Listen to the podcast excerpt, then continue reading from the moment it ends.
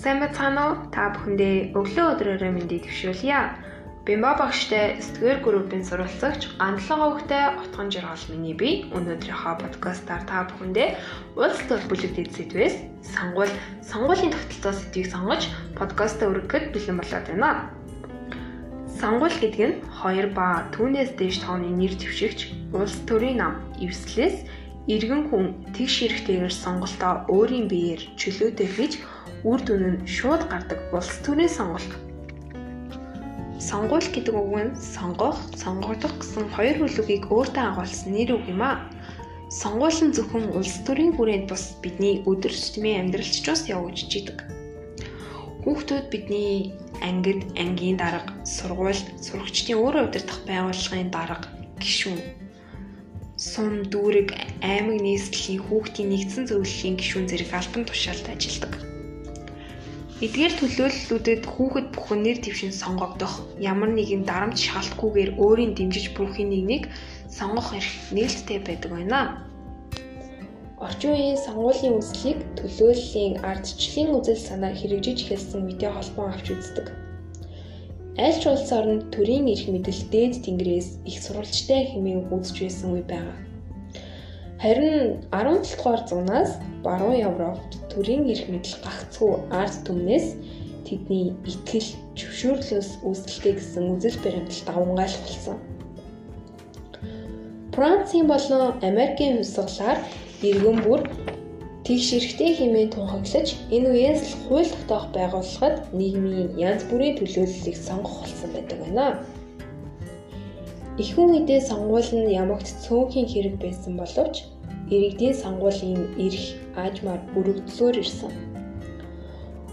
Өнөөдөр дэлхийн олон улс орнд сонгуулийн бүх нийтийн тэгшэрхийг хүлээн зөвшөөрч байгаа нь ардчлалыг тодорхойлох чухал шинж боловч дангаараа түүний баталгаа болдоггүй.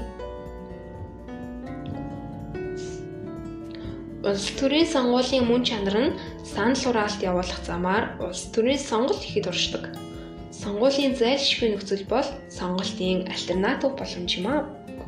Энэ нь иргэд 2 ба түүнээс дээш тооны нэр дэвшигч эсвэл улс төрийн нам эвслээс сонголт хийхэд сонгуулийн утга учир оршдог байна.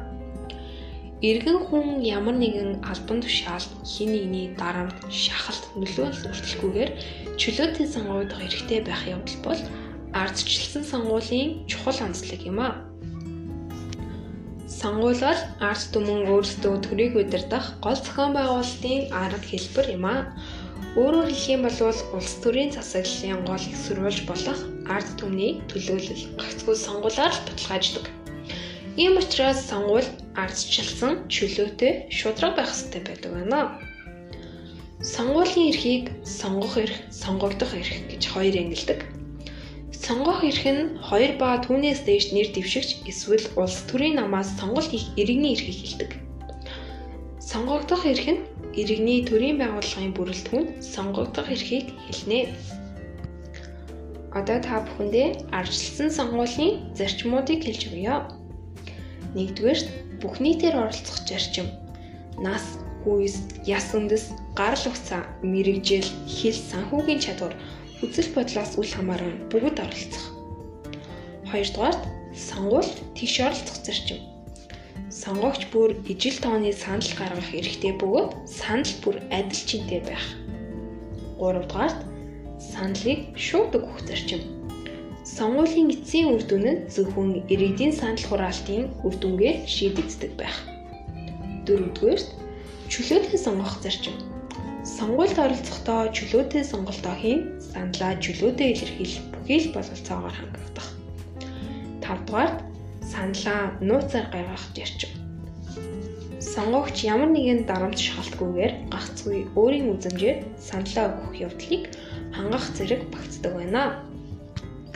Сонгуул явуулах, санал авах, дүн гаргах, парламентын судал хуваарлах арга, дүрм, журмын цогцыг сонгуулийн тогтолцоо гэдэг. Дэлхийн улс орнуудад сонгуулийн тогтолцооны мажоритори буюу олонхоор тооцох пропорционал буюу хувь тэнцвэрлэх хоёр үндсэн аргыг хэрэгэлдэг. Эдгээр нь доор бүрдээ олон хувилбартай. Улс орнууд энэ хоёр тогтолцооны аль нэг хувилбараар эсвэл хоёулангаар нь хослуулан сонгуулиа зохион байгуулдаг байна. Мажоритори тогтолцоо нь харьцангуй олонхын саналаар сонгодог. Өрсөлдөгчөөсөө илүү санал авсан нь ялдаг. Дотроо энгийн олон, үнэмлэхүй олон, харьцангуй олох гэсэн аргатай. Энгийн олонхын аргыг 50-аас дээш хувийн санал авсан, харьцангуй олонхыг хамгийн олон санал авсан үнэмлэхүй олонхыг нийт саналын 4.3 буюу 75% эсвэл 3.2 буюу 66%-аас дээш санал авсан нэр дэвшигчийг ялсан тооцох арга юм а. Америк нэгдсэн улс, Англи, Франц, Энэтхэг, Мексик зэрэг орнууд үнэмлэхүй олонхын аргыг хэрэглэдэг байна. Пропорционал тогтолцоо намын нэрээр санал хурааж, авсан саналт нь хувь тэнцвүүлж, суудлах хуваарлаг тогтолцоо юм а. Нам дотроо нэрийн жагсаалтаар парламентын гишүүдийг бүрдүүлдэг. Нам эсвэл суудлах авахын тулд тогтоосон босгод авах ёстой. Герман, Бэлэг, Дани, Австри, Швед, Япон зэрэг улс орнууд энэ аргаар сонгуулиа зохион байгуулдаг байна. Харин холимог тогтолцоо бол мажоритори болон пропорционал тогтолцооны аль альнийх нь онцлог шинжийг хадгалсан холимог тогтолцоо юм а. Мажоритори тогтолцоо нь өөрийн гэсэн давуу болон сул талуудтай байдаг. Жишээлх юм бол өрсөлдөгчөөсөө илүү олон санал авсан нь улс төрийн намд дангаараа засгийн газар байгуулах боломжийг төлөвлөгөө олгодог. Энэ нь засгийн газрыг илүү тогтвортой байлгах гэд нөлөөлдөг. Улс төрийн намууд парламентэд эзлэх суудлын хувь нь нийт сонгогчоос авсан саналын хувиас ихээхэн зөрүүтэй байдаг. Учираас харьцангуй олонхын саналаар сонгох үед энэ зөрүү нь улам их болдог байна. Улс орны хэмжээд цөөнхийн дэмжлэг хүлээж буй нам парламентын суудлын олонхыг авах тохиолдол гардаг. Энэ нь хоёр нам эсвэл зовлох нэг намын тогтолцоо төлөвшөхөд нөлөөлдөг. Шинээр гарч ирж буй болон жижиг намд ашиггүй. Парламентын гишүүд тойргийн сонгогчдоос хараад байдалтай нутгийн хүнийг сонгох сэтгэл зүйн хандлага их.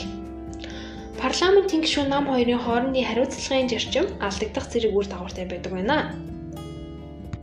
Пропорционал төлөөллийн тогтолцооны хувьд өөрийн гэсэн онцлогтой.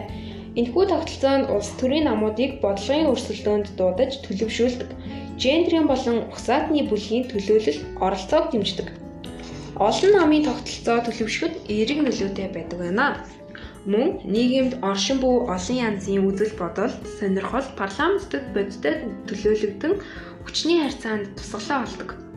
Санал үйлгээ идэх зарчим үйлчилдэг байна сонгогчдын тодорхой хэсгийн дэмжлэг авсан улс төрийн нам парламентэд суудлах боломжгүй тул олон намын тогтолцоо төлөвшөлт нөлөөлдөг байна. Парламентэд хэд олон ном төлөөлөгдөх магадлалтай байдаг нь эцдээ нэгдсэн шийдвэр зөвчлөлтөд хүрэхэд бэрхшээлтэй болгодог байна. Бидан нэр дэвшигчид сонгогдох магадлал хязгаарлагдмал орон нутгийн төлөөлөл хангах чадвар нь сул байдаг байна. Өнөөдрийн маань подкаст энэ хүрээд дуусаж байна. Надтай хамт исэн та бүхэндээ баярлалаа. Өдрийг сайхан өнгөрүүлээрэй.